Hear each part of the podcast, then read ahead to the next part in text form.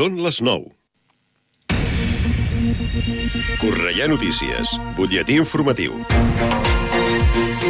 Molt bona nit, els parla Verònica Tomico. Ràdio Cornellà retransmet i modera el debat de les eleccions municipals del 28 de maig a Cornellà que organitza la Federació d'Associació de Veïns i Veïnes de Cornellà i que es durà a terme aquest dijous a dos quarts de set de la tarda al City Lab.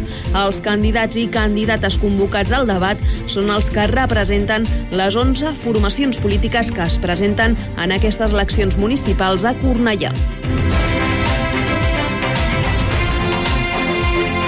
Cornellà commemora el Dia Internacional de les Famílies. Tot i que la jornada se celebra oficialment el 15 de maig, la ciutat realitzarà la Festa de les Famílies aquest diumenge, dia 21, al Parc de Can Mercader. Una proposta que es fa cada any amb el suport del Consell dels Infants de la ciutat i que ha dissenyat un seguit d'activitats per celebrar aquest dia tan especial per a les famílies. L'Oficina Jove de Cornellà habilita un espai d'estudi per als joves que han de preparar els exàmens d'accés a la universitat. Aquestes aules estaran disponibles del 22 de maig al 8 de juny i s'adrecen a persones menors de 35 anys que hagin de presentar-se als exàmens d'accés a la universitat. Aquestes aules, situades al carrer Mossèn Andreu número 17, tenen un horari especial de dilluns a dijous de 9 de la nit a 12 i la Fundació El Llindar manté obert el període de preinscripcions de cara al curs 2023-2024 fins al dia 2 de juny. Aquest centre ofereix formacions professionalitzadores per a persones a partir de 16 anys. Poden fer el tràmit de preinscripció a través del web alllindar.org o de forma presencial a la secretaria del Llindar situada al Parc de Can Mercader. Fins aquí aquest butlletí informatiu. Poden seguir informats de l'actualitat de la nostra ciutat al Cornellà Notícies de la una del migdia, als butlletins horaris i a l'app i la web de Ràdio Cornellà. També trobaran les darreres actualitzacions i notícies al radiocornellà.cat i a les xarxes socials de la ràdio, Twitter, Facebook i Instagram. Ara el temps. Connectem amb l'Agència Estatal de Meteorologia. Bona nit. Demà dijous a Catalunya esperem cel ennuvolat amb precipitacions al vessant nord del Pirineu i una cota de neu en torn als 1.500 i 1.700 metres. A la resta, cel poc ennuvolat, tendint a ennuvolat al llarg de la tarda, sense descartar xàfecs localment forts al litoral sud i també que poden anar acompanyats de tempestes ocasionals al litoral i prelitoral central ja a la tarda. Temperatures en general en descens, arribant fins als 25 graus de màxima a Lleida, 23 a Girona, 21 graus a Tarragona i 20 de màxima a Barcelona. A més, també vent del nord ocasionalment fort a l'Empordà i situació costanera alterada amb onades de 2 a 3 metres d'alçada. És una informació de l'Agència Estatal de Meteorologia. L'informació de Cornellà. Més a prop, impossible. Espai gratuït cedit a les formacions polítiques per la propaganda electoral. Tú, que ya no te sientes seguro para andar por la ciudad en determinadas horas y que quieres vivir de manera tranquila y sin problemas de delincuencia u ocupación. Tú, que quieres una ciudad más limpia, más sostenible i respetuosa con el medio ambiente. Tu, que t'aixeques cada dia per treballar la teva feina o empresa i tirar endavant els teus fills, cuidant els avis a la vegada i que quasi no tens temps per res més durant el dia. Tú, que quieres más libertad para moverte y realizar tu propio proyecto de vida, para emprender, para escoger la educación de tus hijos y tener más posibilidades de estudiar en tu ciudad. Tu, que t'esforces i ets sostinat, tossut, persistent, atrevit, decidit, treballador, optimista, imparable, insubornable, lleial, compromès i que dones la cara amb el fer propòsit de voler una societat molt millor. Tu, que vols més oportunitats en un món que cada vegada va més ràpid. Tu, que el 28 de mayo puedes cambiar el statu quo de los últimos 40 años en tu ciudad. Tú eres un valiente. En Cornellà, vota Valens. Podemos llegó a la política en 2016 desde las plazas del 15M, desde el inconformismo y la indignación. Hemos tenido que sortear innumerables obstáculos. Nos quieren fuera, porque somos la fuerza que transforma, porque no tenemos miedo a decir la verdad, porque no tenemos intereses en la política, solo propósitos de cambio para una vida mejor y más justa. Nos sentimos orgullosas de formar parte de este proyecto de cambio que ha demostrado en su corta vida la utilidad para hacer políticas con la gente en el centro. Seguiremos con valentía trabajando por un futuro mejor para la clase trabajadora y la mayoría social que se siente desprotegida y olvidada. Derechos humanos y justicia social para que nadie se quede fuera siguen siendo nuestras metas y seguiremos trabajando desde Podemos Cornellá para hacer de nuestra ciudad un lugar donde nos sintamos cómodas y seguras, porque sí se puede.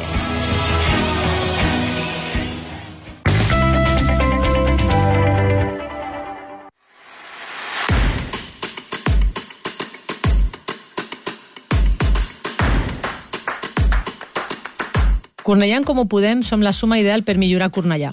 Sumem per fer un municipi més obert i participatiu, més verd i sostenible, més feminista, més cohesionat socialment i amb oportunitats de formació al llarg de tota la vida. Amb Cornellà en Comú Podem volem un ajuntament innovador, accessible a la ciutadania de tots els barris, que reforça la comunitat, protegeix el comerç local i genera ocupació de qualitat.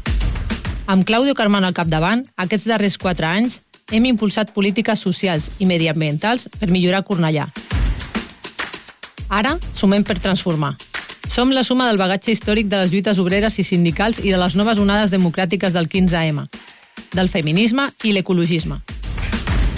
Amb Cornellà en Comú Podem, sumem per millorar Cornellà. Acabeu d'escoltar l'espai gratuït cedit a les formacions polítiques per la propaganda electoral.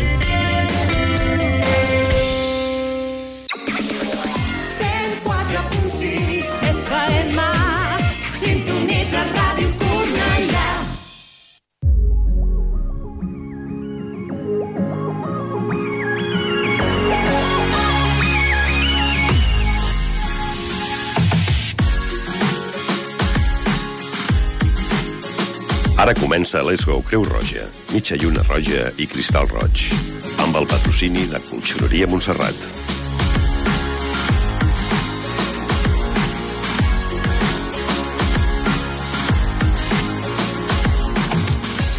...21 hores, 7 minuts, comença aquí el programa de l'Hora de Creu Roja del dimecres dia 17 de maig de 2023.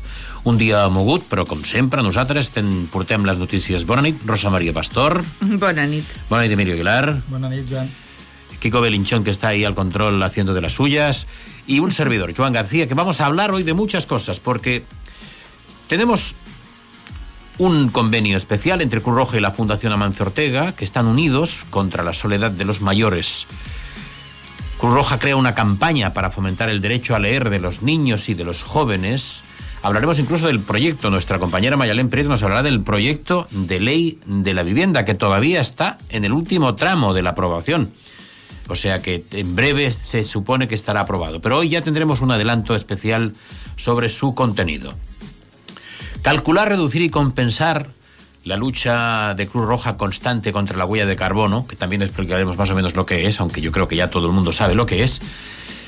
Y tendremos la sección lúdica, como siempre, con Olga Giorgi y sus eh, adivinanzas. Eh, hablaremos incluso de jornadas especiales eh, sobre socorrismo y salvamento acuático.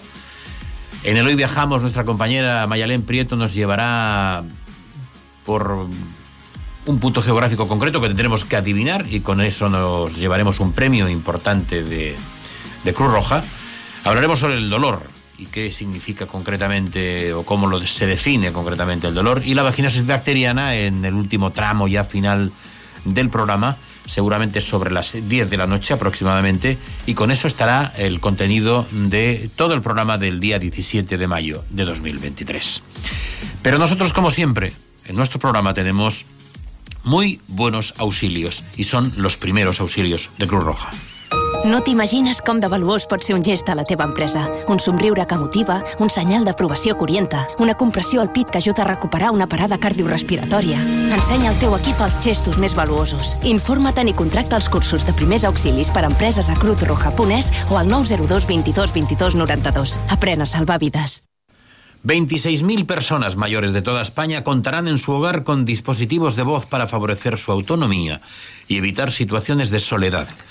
El proyecto incluye labores de seguimiento y formación individualizada por parte de la red de voluntariado de Cruz Roja. Cruz Roja y la Fundación Amancio Ortega, Voluntariado y Tecnología, para mejorar la autonomía, reducir la soledad no deseada de las personas mayores. La soledad no deseada, el aislamiento social y la brecha digital son realidades que sufren con frecuencia las personas mayores, como constata Cruz Roja. Para afrontar este problema, la organización humanitaria, con el apoyo de la Fundación Amancio Ortega, implantarán por todo el territorio nacional un innovador programa que aún a una tecnología humanitaria y voluntariado. Tras el convenio de colaboración que ambas entidades acaban de firmar, como decíamos, 26.000 personas mayores de toda España contarán en su hogar con dispositivos de voz que incorporan aplicaciones específicas para favorecer su autonomía y evitar situaciones de soledad. El proyecto incluye la instalación de los dispositivos, si fuese necesario también la conexión online de los hogares. Además, la red de voluntariado de Cruz Roja tiene un papel clave de acompañamiento y de formación de las personas mayores. El programa de tres años de duración tiene un presupuesto de alrededor de 15 millones de euros, que asume íntegramente la Fundación Amancio Ortega. Así, uniendo tecnología y voluntariado, se favorece la igualdad y se impulsa la creación de entornos inclusivos, seguros, saludables y sostenibles. Ansiedad, insomnio, depresión. Llamar a las cosas por su nombre es de valientes. Pedir ayuda, si lo necesitas, también. Cruz Roja te escucha. Llámanos 900 107 917.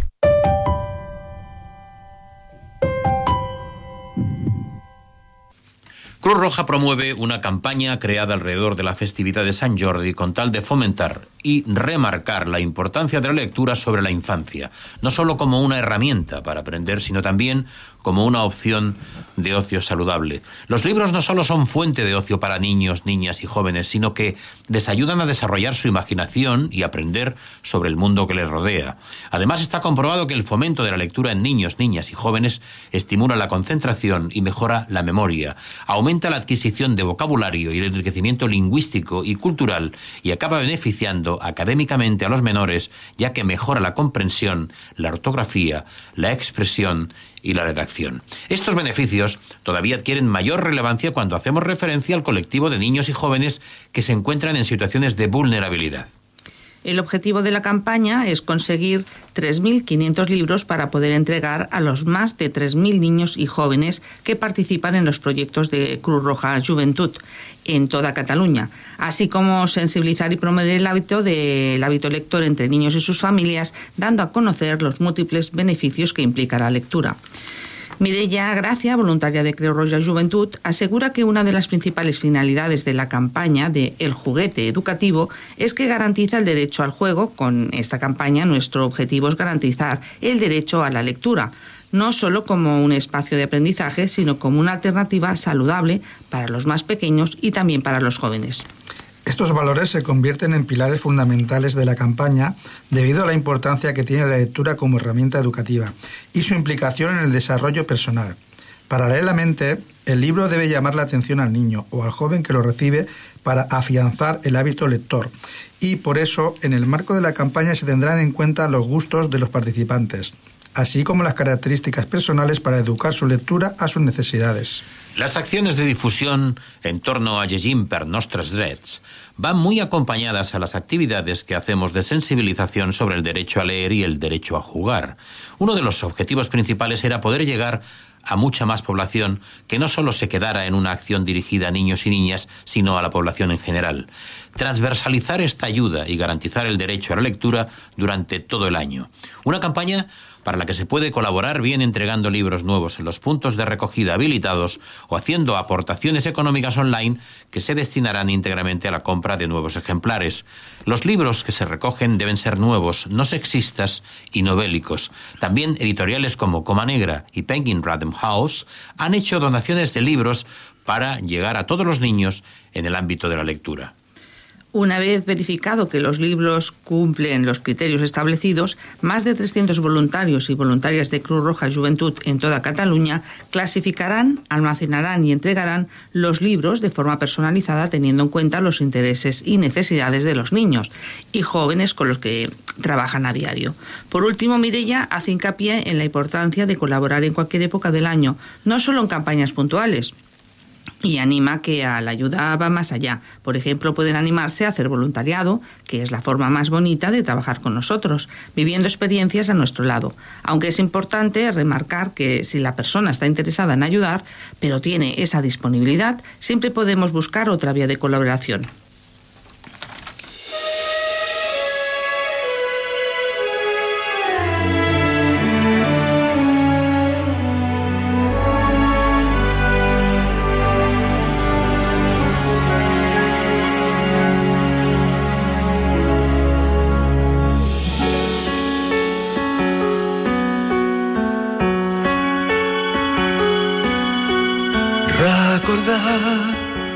Sempre quan jo em sento el sol i perdut, sense tu al meu costat. Recordar, ara i sempre que jo em sento tan enfonsada i les llàgrimes omplen els meus ulls. Recordar, ara i sempre que jo perdo el nord a la vida, sempre vull pensar que tu és el consol. Recordar, ara i sempre que les pors s'allunyen de mi buscant la pau en el fons dels teus ulls. Recordar sempre que jo em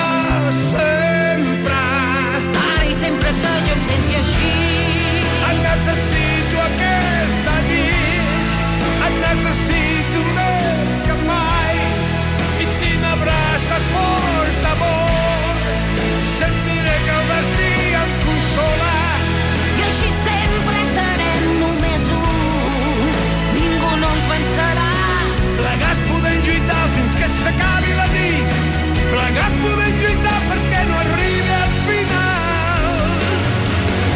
Jo no sé què fer si tu no estàs amb mi. Cegues el camí és sempre fred i dur. Et necessito prop meu, d'aquí fins a l'eternitat. D'aquí fins a l'eternitat. Ja molt de temps jo em vaig enamorar i ara em trenco a trossos per tu.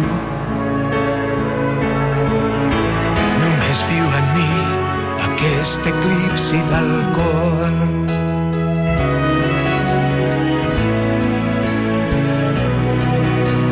Ja fa molt de temps una llum als teus ulls que ara s'ha apagat era pau. Només viu en mi aquest eclipsi del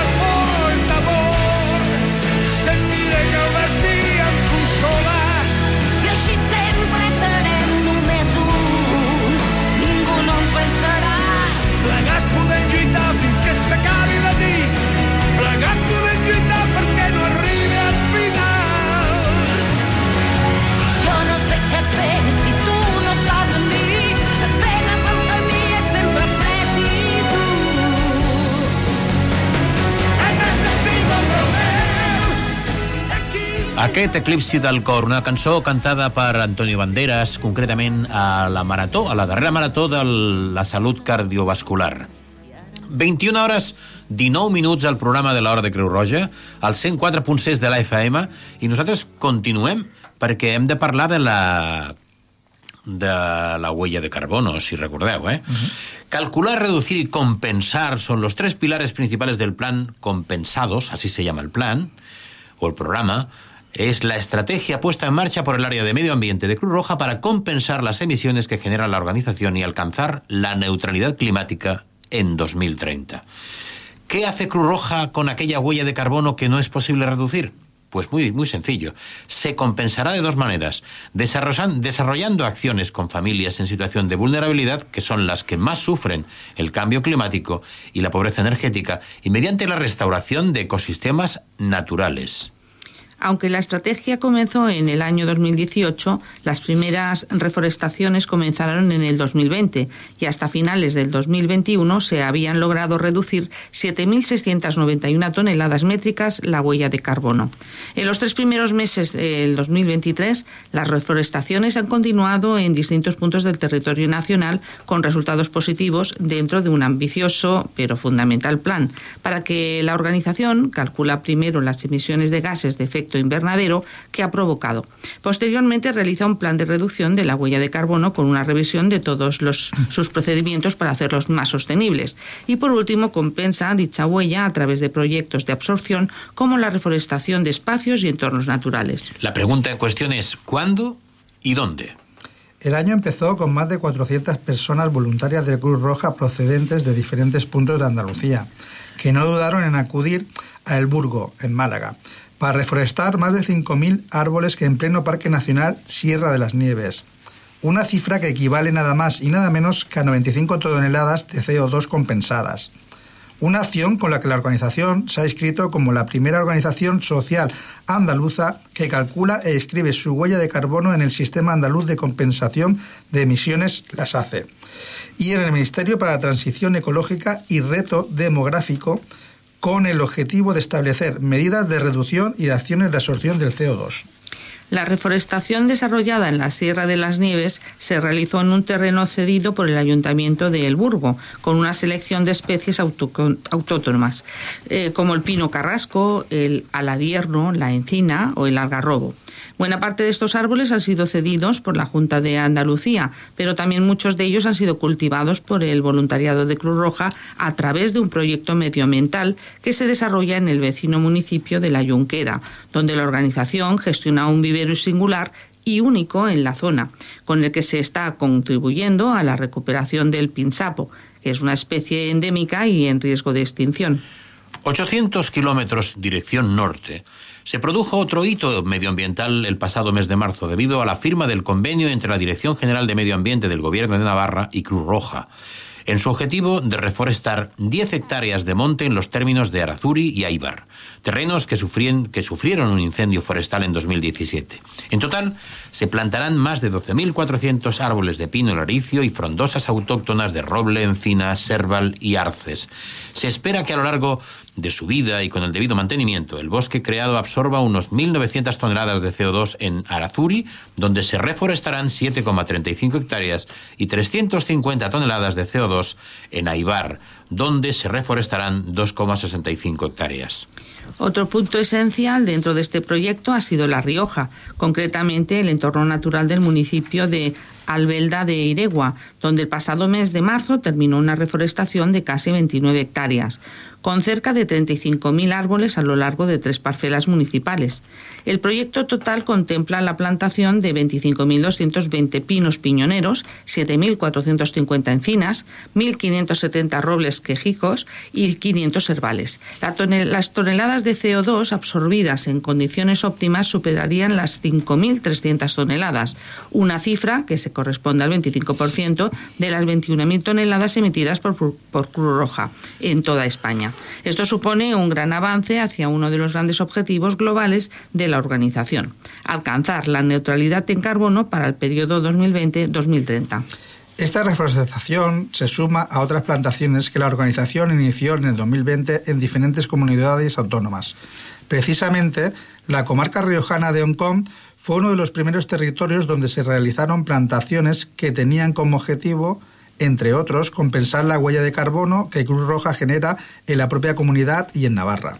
Por último, otra acción para conservar la biodiversidad de los bosques españoles mediante la reforestación ha sido la llevada a cabo dentro de la finca pública El Borril, titularidad de la Diputación Provincial de Toledo y situada en el término municipal de Polán, donde se ha restaurado una superficie de 1,25 hectáreas de espacio natural.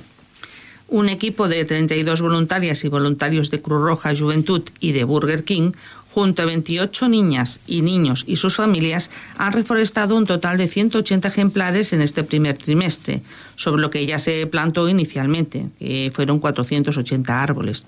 Las especies elegidas han sido frondosas de crecimiento lento, encina, quejigo, cornicabra y almez, y especies arbóreas de crecimiento lento. La cornicabra ha sido la especie principal para la, la, repoblación, por sus características más apropiadas a las condiciones de la zona, con la mayor densidad de plantación seguida del quejico, por su mayor densidad de suelo. Como vegetación para el aumento de la diversidad de zonas se ha incluido Pistacia terebinithus y Celtis australis, un árbol muy resistente a las épocas de sequía y con un potencial de captación de CO2, de singular interés para la regulación climática. A lo largo de 2023, Cruz Roja tiene previsto restaurar espacios por un total de 104,84 hectáreas entre Toledo, Navarra, Extremadura, Guadalajara y Ciudad Real.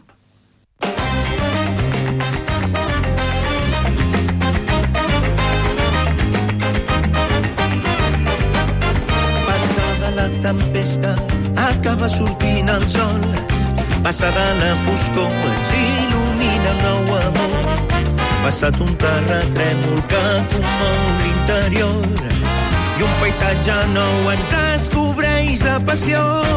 Passada la sequera i la tortura de la set, aquest ressec carmot es converteix en un verger. Brolla en aigua cristal·lina entre les pedres de l'ahir i un nou horitzó porta una albada radiant. Gràcies, gràcies, com. Gràcies, gràcies, com. La fe en la vida i en l'amor m'ha retornat al passat sense enfondre't del record. Les runes d'un ahir en el patiment. Gràcies, gràcies. Gràcies, gràcies, com. Un nou camí Una esquerda lluminosa cap al coneixement i l'animarà a cantar amb agraïment. Ai, passada la tempesta, acaba sortint el sol.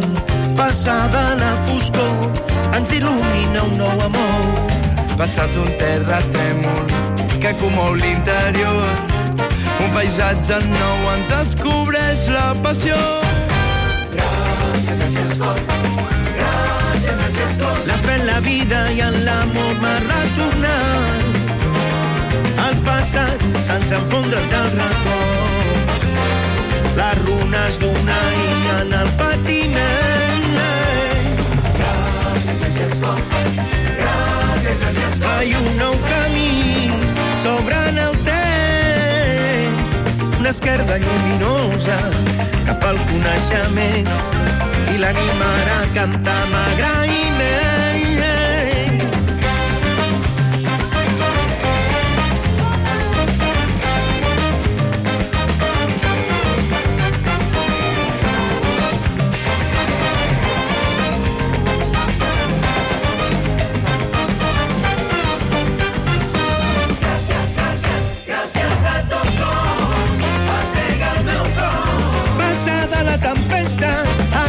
sortint el sol.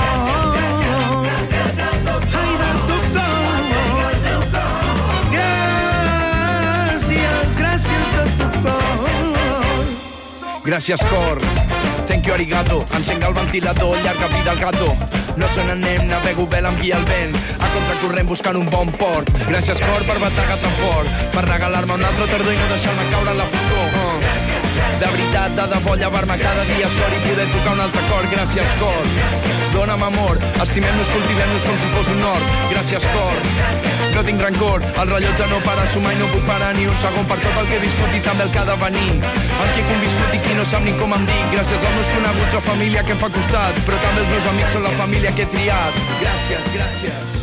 En el comienzo del programa hablamos concretamente de los titulares y dijimos que íbamos a informar un primer inicio por parte de nuestra compañera Mayalén Prieto. Nos va a informar sobre el proyecto de ley del derecho a la vivienda que está todavía en la última fase de sus trámites, seguramente en breve, quizá antes de una semana estará aprobado, y nos va a hacer una digamos una iniciación, una introducción al mismo. Y eso no excluye el que nosotros, una vez que esté aprobada la ley, en cualquiera de los programas posteriores, a- nos adentremos en el mundo de ese derecho a la vivienda que está reconocido en el artículo 47 de la Constitución Española, si no me equivoco, y que mm, no ha tenido nunca una traslación exacta y completa como desearíamos después de del 1978, que fue el año en que se aprobó la Constitución española. Nos introduce los datos nuestra compañera Mayalén y vamos a ver qué pasa con ese nuevo proyecto de ley.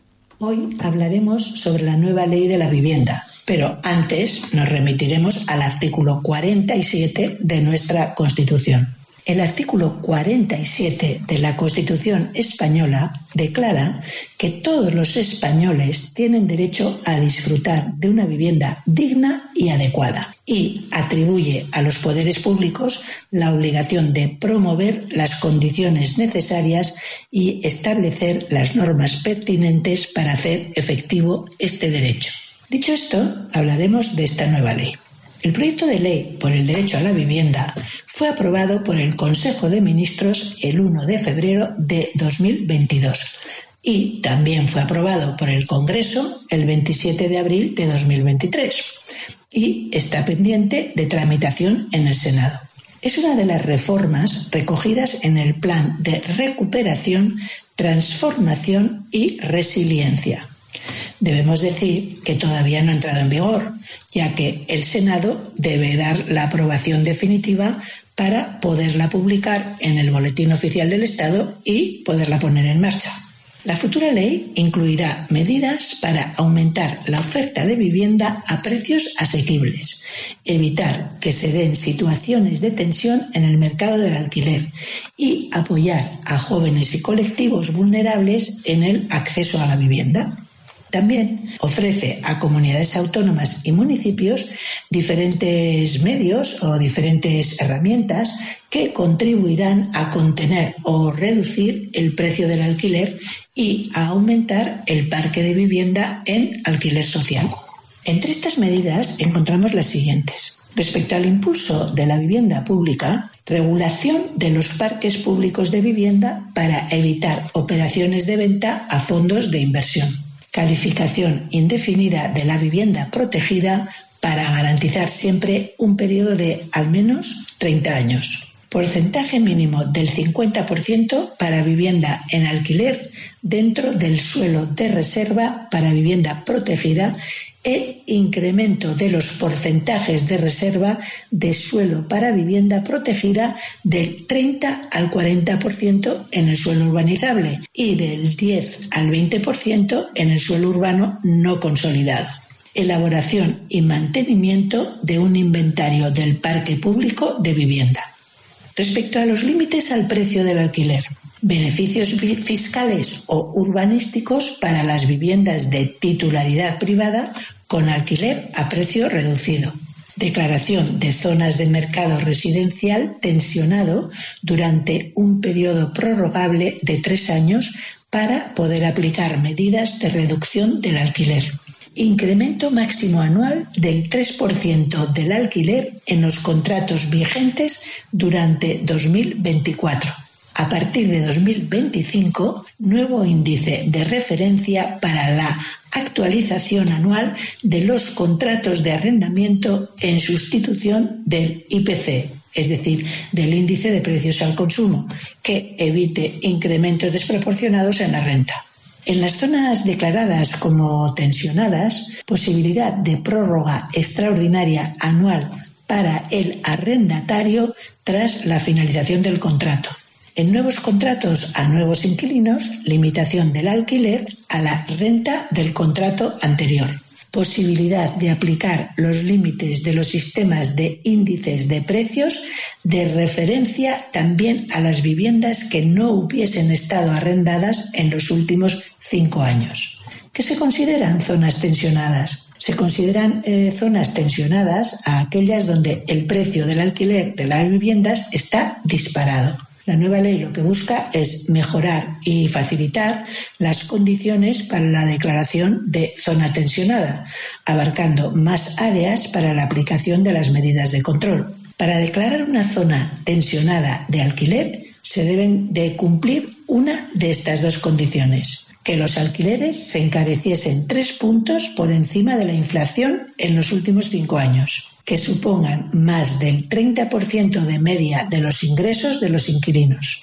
Hay que destacar que son las comunidades autónomas y ayuntamientos los que deben definir si se trata de una zona tensionada, ya que tienen traspasadas las competencias de vivienda. Otro aspecto que se pretende es el de crear mejoras para fortalecer el equilibrio en las relaciones entre arrendador y arrendatario, como son prórroga extraordinaria de un año en los contratos de arrendamiento para situaciones acreditadas de vulnerabilidad social o económica. Gastos de gestión inmobiliaria y formalización del contrato a cargo del arrendador. Por ejemplo, la comisión o los honorarios de la agencia inmobiliaria. Los tendría que pagar el arrendador. Respecto a la protección contra desahucios, eh, mejorar para garantizar una comunicación efectiva entre el órgano judicial y los servicios sociales que logre así una atención rápida a las personas en situación de vulnerabilidad. Soluciones habitacionales para los afectados y, mientras estas soluciones llegan, ampliación de los plazos de suspensión de los lanzamientos, es decir, de los desahucios. Cuando el demandante sea gran tenedor, y la demanda de desahucio afecte a personas vulnerables, deberá acreditarse la aplicación de un procedimiento de conciliación o intermediación. Se crea una nueva definición de gran propietario y vivienda vacía. Se podrá considerar gran tenedor a aquellos titulares de cinco o más inmuebles urbanos de uso residencial ubicados en la misma zona declarada como tensionada, cuando así lo solicite la comunidad autónoma. Definición de vivienda vacía para que los ayuntamientos puedan aplicar el recargo del impuesto sobre bienes inmuebles, es decir, lo que llamamos normalmente el IBI, a, a estas viviendas que lleven vacías más de dos años y siempre que el propietario tenga un mínimo de cuatro viviendas en esta situación. Modulación del recargo del IBI, actualmente situado en el 50% de la cuota líquida del IBI, que podrá alcanzar el 150%. Hemos tratado de dar unas pinceladas sobre lo que se pretende con esta nueva ley que todavía no ha entrado en vigor, como ya hemos indicado, para que ya cada uno de vosotros pues os informéis y eh, os forméis un criterio eh, propio y adecuado al respecto. Hasta aquí tuvimos esa introducción a la, al proyecto de ley del derecho, del, derecho a la vivienda de nuestra compañera Mayalén Prieto y como decíamos, en, una vez se haya aprobado la norma, sí que podremos entrar más de lleno, sobre todo en las partes polémicas de la misma, que ya, ya hay bastantes, al menos desde el punto de vista jurídico analizadas y parece ser que van a ser un gran problema para llevar a cabo una parte de esa norma. Estamos a las 21 horas 37 minutos y tenemos la obligación de siempre de tener nuestra, nuestros momentos eh, especiales, aunque creo que ahora nos toca eh, los momentos de Olga Giorgi. ¿No tenemos a nuestra compañera que nos viene con la adivinanza? Parece ser que sí. Y vamos a ver la adivinanza que tuvimos la semana anterior. Y nuestro compañero Emilio Aguilar nos dará la, la solución que la tenía como muy guardada. Eh, así que vamos a ver qué nos decía Olga Giorgi la semana anterior. Verde fue mi nacimiento, amarillo mi vivir, y en una sábana blanca me envuelven para morir. ¿Y la solución? La solución, algo que me desprendí hace ya 17 años, ¿eh? el hábito de fumar. El Algo cigarro. que te quitaste. El cigarro. Efectivamente. Ujú. Efectivamente. Bueno, pues vamos a ver eh, con qué nos sorprende Olga para esta semana. Y, eh, y entonces ya os decimos y os, os, os- os ponemos de manifiesto que hay que eh, enviar una nota de voz o un audio, nota de voz o audio, a través del WhatsApp al número 666 88 88 21. Repito, 666 88 88 21. Vamos a ver la adivinanza. Ahí está. En el monte fui nacida y remonté tanto el vuelo que a Dios mismo levanté sin subir jamás al cielo. ¿La repetimos? Fácil no es. ¿eh? Yo creo que fácil es, pero tiene su... En el monte fui nacida y remonté tanto el vuelo que a Dios mismo levanté sin subir jamás al cielo. Ahí está. El teléfono es la nota de voz o el audio al 666 88 88 21, la solución, y tienes premio de Cruz Roja. Si dejan el nombre. Si dejan el Nombre nombre, si no dejáis el nombre y el apellido, luego es muy complicado, sí que es cierto. Eso sobre todo. No hay que dejar nada más, solo el nombre y la solución, claro. y la solución. 21 horas 39 minutos y os recordamos que estamos en una, en una frecuencia de la FM. Aquí el compañero mm, técnico nos va a poner el indicativo, Kiko Berinchón.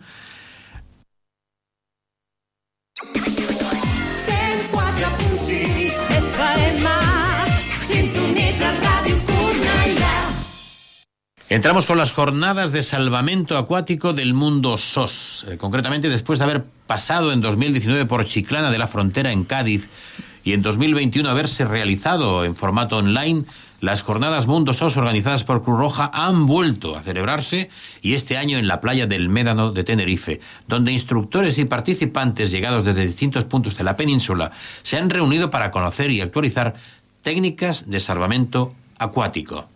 Este tipo de jornadas están enfocadas a los equipos humanos del día a día, prestan servicio en el ámbito de salvamento acuático, generando así un punto de encuentros en todo el personal, que forma parte del servicio de prevención de accidentes, socorrismo y asistencia en playas y de salvamento marítimo. El objetivo de esta iniciativa es dar a conocer cómo se preparan y actualizan los equipos de salvamento acuático de Cruz Roja para salvar vidas y afrontar de la mejor manera posible la próxima campaña de playas. Tal y como apunta Miguel Ángel Sánchez Arrocha, responsable nacional del Servicio de Playas de Cruz Roja Española, la principal razón de haber elegido el, Médano como escenario para esta tercera edición es debido a que esta zona acoge a muchos deportistas náuticos como kitesurf, windsurf, etc. Y queremos profundizar en técnicas de rescate con personas que lo practiquen. Las técnicas de rescate deben ser específicas para estas personas porque las velas, la tabla, las cuerdas son accesorios que los rescatadores deben tener en cuenta a la hora de acercarse a la persona que precisa ayuda porque puede dificultar la acción. En estas ocasiones, Mundo SOS se ha concentrado en los perfiles de los patrones y de las embarcaciones y motos acuáticas y en el personal de coordinación de los servicios de salvamento acuático. En el marco de estas jornadas se ha llevado a cabo diversos talleres teóricos y de carácter práctico, donde las personas asistentes han sido han ido pasando por cada uno de los escenarios, con el fin de aumentar la experiencia y sus conocimientos, además de trabajar otros aspectos vinculados a la construcción y consolidación de equipos. Ahí quedaron los eh, cursos de salvamento acuático del mundo SOS en la playa del Médano de Tenerife y nosotros seguimos, como siempre, 21 horas 42 minutos y vamos a hablar del Hoy Viajamos, porque sabéis que cada semana tenemos a nuestra compañera Mayalén Prieto que nos introduce o nos lleva a un punto geográfico concreto. En la semana anterior hicimos un viaje muy corto, tan corto, tan corto que nos quedábamos en Cornellá y hablaba de un edificio emblemático e introducía más o menos así. Hoy volvemos de nuevo a Cornellá y por lo tanto os invitamos a pasear por la ciudad. En este caso se trata de un edificio renacentista del siglo XIX que luce dos bellas columnas prerrománicas, aunque el edificio es de estilo novecentista. En 1928 se descubrieron en el subsuelo los restos de una villa romana, de una iglesia paleocristiana y de otra prerrománica y parte de su muro. Los restos de estas columnas del siglo X son auténticas joyas del arte prerrománico catalán. Como creo que todos los cornellanenses sabrán a qué edificio nos referimos, alguien se atreva a llamar al teléfono al que siempre os remitimos y nos den la respuesta pertinente. Ánimo y adelante. Esta vez es muy, muy fácil y sabéis que hay un premio para el primer acertante. Y la respuesta pertinente era el ayuntamiento.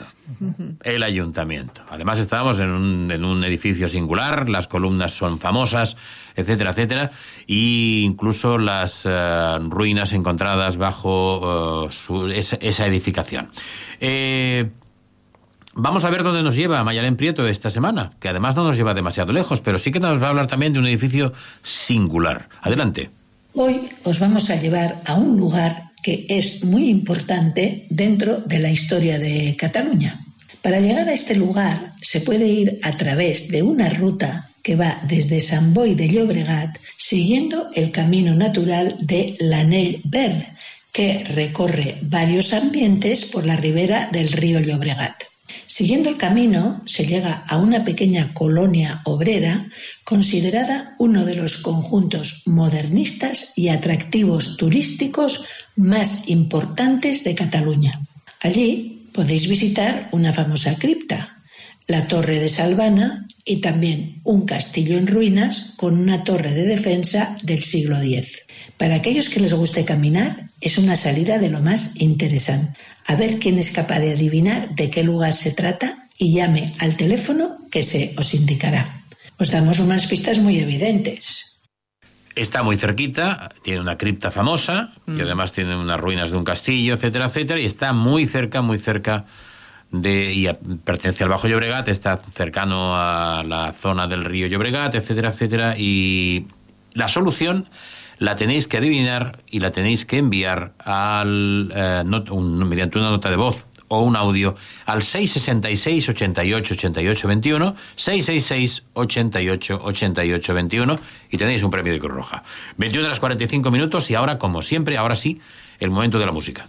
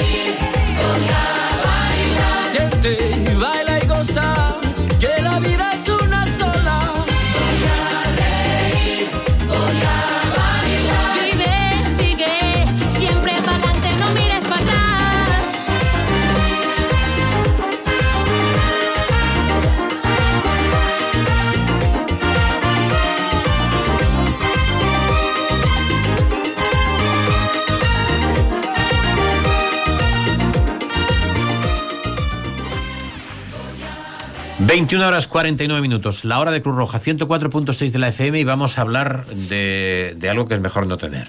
Sí, por ¿Eh? supuesto. Pero que algo que es mejor todos. no tener. Del dolor. El dolor es una sensación desagradable, evidentemente, que se experimenta en el cuerpo humano y que en realidad es un mecanismo defensivo natural que nos alerta sobre posibles lesiones o enfermedades. Es una experiencia subjetiva y puede variar de una persona a otra dependiendo de varios factores personales que determinan su grado de tolerancia. El dolor se origina en las terminaciones nerviosas de la piel, los músculos, los huesos y los órganos internos, y se produce cuando se activan los receptores del dolor. Estas terminaciones nerviosas envían señales eléctricas al cerebro a través de las vías nerviosas, y el cerebro procesa estas señales y las interpreta como dolor. El dolor se transmite a través de dos vías nerviosas, la aferente, que lleva las señales desde el lugar de la lesión hasta el cerebro, y la eferente, que envía señales desde el cerebro de vuelta al lugar de la lesión para producir una respuesta. Los centros de detección del dolor en el cerebro se encuentran en diferentes áreas, incluyendo la corteza cerebral somatosensorial para interpretar la localización, intensidad y calidad de dolor el tálamo para transmitir la información y regular los mensajes, y el hipotálamo y la amígdala para regular la respuesta emocional, y el córtex prefrontal para modular la respuesta cognitiva. Existe una variedad de tipos de dolor que se puede experimentar. Uno de ellos es el dolor nociceptivo, que surge cuando hay una lesión en los tejidos corporales como los músculos, los huesos u órganos internos. Este tipo de dolor puede ser punzante, agudo o quemante, como el que se siente en un corte accidental o en una fractura ósea. El dolor neuropático, por otro lado, se produce cuando los nervios están dañados y se manifiesta con una sensación de hormigueo, ardor o pinchazo, como sucede en la ciática. Y tenemos el dolor inflamatorio. Surge cuando hay inflamación en los tejidos corporales y generalmente se describe como un dolor sordo y constante, como es el caso de la artrosis. Finalmente, el dolor psicológico surge cuando hay un componente emocional significativo que puede acompañar a otros tipos de dolor y se describe como un dolor profundo y persistente, como una fibromialgia. Algunos de los recursos utilizados para el tratamiento del dolor incluyen los ácidos grasos omega 3, que poseen propiedades antiinflamatorias y han demostrado reducir el dolor en afecciones como la artritis o la migraña. Otra opción es la acupuntura, una técnica que consiste en la inserción de finas agujas en puntos específicos del cuerpo para interferir las vías nerviosas del dolor y reducir su intensidad.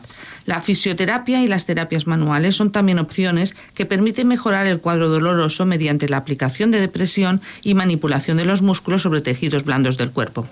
Además, las técnicas de control mental como o la meditación pueden ser beneficiosas, ya que permiten reducir el estrés y la ansiedad asociados con el dolor, mediante la concentración y la atención en la respiración.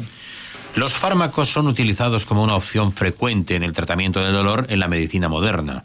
Los analgésicos, los cuales se clasifican en antiinflamatorios no esteroideos, opioides y adyuvantes, son los más comúnmente utilizados para aliviar diferentes tipos de dolor, desde el leve hasta el crónico. Los AINES tienen efectos antiinflamatorios y analgésicos, mientras que los opioides se utilizan para el dolor intenso y los adyuvantes se emplean en combinación con analgésicos para potenciar su eficacia.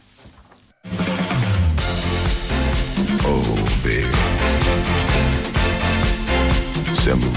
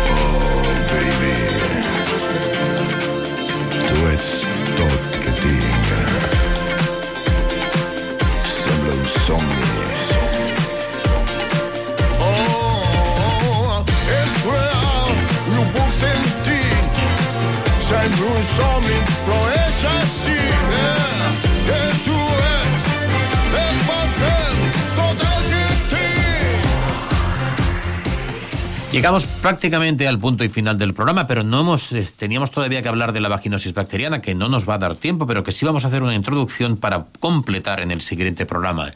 Es más que una infección, es una afección, porque la vaginosis bacteriana no es una infección propiamente dicha, sino que se trata de una disbiosis, es decir, un desequilibrio de la microbiota normal de la zona vaginal y aparece sobre todo en mujeres sexualmente activas. La vaginosis no se asocia a inflamación de la vagina, al contrario de lo que ocurre con la vaginitis. Lo que sí podríamos hacer es preguntarnos por los síntomas. Muchas de las mujeres que padecen una vaginosis no presentan síntomas. Si aparecen, serán el flujo o secreción vaginal blanca o gris, poco espesa, fuerte mal olor, sobre todo después de haber mantenido relaciones sexuales, picazón en la parte externa de la vagina y ardor al orinar. ¿Y qué puede pasarle? ¿Qué, qué puede- perdón, ¿qué puede causarlas? Las causas es la disminución del número de lactobacillus. Las bacterias que en condiciones normales son las más abundantes y el aumento de otras bacterias presentes en la zona como la Garnerella vaginilasis y la Atopobium vinage, entre otros. La lactobacillus generan el ácido lácteo que mantiene el pH normal de la vagina entre el 3.8 y el 4.5, impidiendo así el crecimiento excesivo de otras bacterias. Tener una pareja nueva sexual o varias parejas sexuales aumentan el riesgo de contraer vaginosis bacteriana. También la toma de antibióticos de espectro que disminuyan la concentración de lactobacilos puede ser causa de vaginosis. Pese a lo que a veces se piensa, no se puede contraer vaginosis por contacto con el agua de la piscina, por compartir toallas o sábanas ni por sentarse en el baño. Cualquier factor capaz de modificar el pH de la zona, como el uso de un jabón limpiador con pH más básico, la realización de duchas vaginales, el uso de desodorantes vaginales o de cualquier otro producto irritante puede ser la causa de una vaginosis.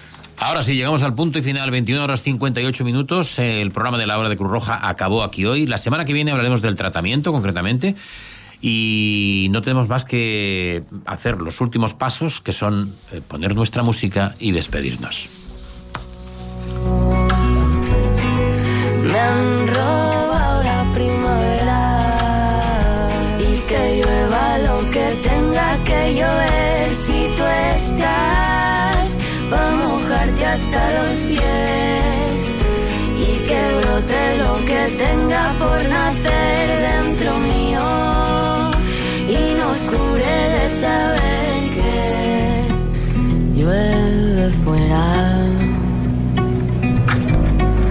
Y el Esperando que llueva fuera, me han robado la primavera de Carla Collado, que estuvo ayer actuando por aquí por Cornellá, creo recordar, y que supongo que además actúa mm, en breve. También tendremos noticias de que actúa en, muy cerca de aquí. 21 horas 59, decíamos, eh, llegamos al punto y final. Gracias por vuestra colaboración. Rosa María Pastor, Bonanit. Bonanit. Emilio Aguilar, Bonanit. Bonanit, Joan. Kiko Belinchón, Bonanit. I bona nit a tots. Ens veiem la setmana que ve a la Creu, de, al programa de la Hora de Creu Roja i recordeu que serà el dia 24 de maig de 2023. Ens veiem. Gràcies. Una forta abraçada.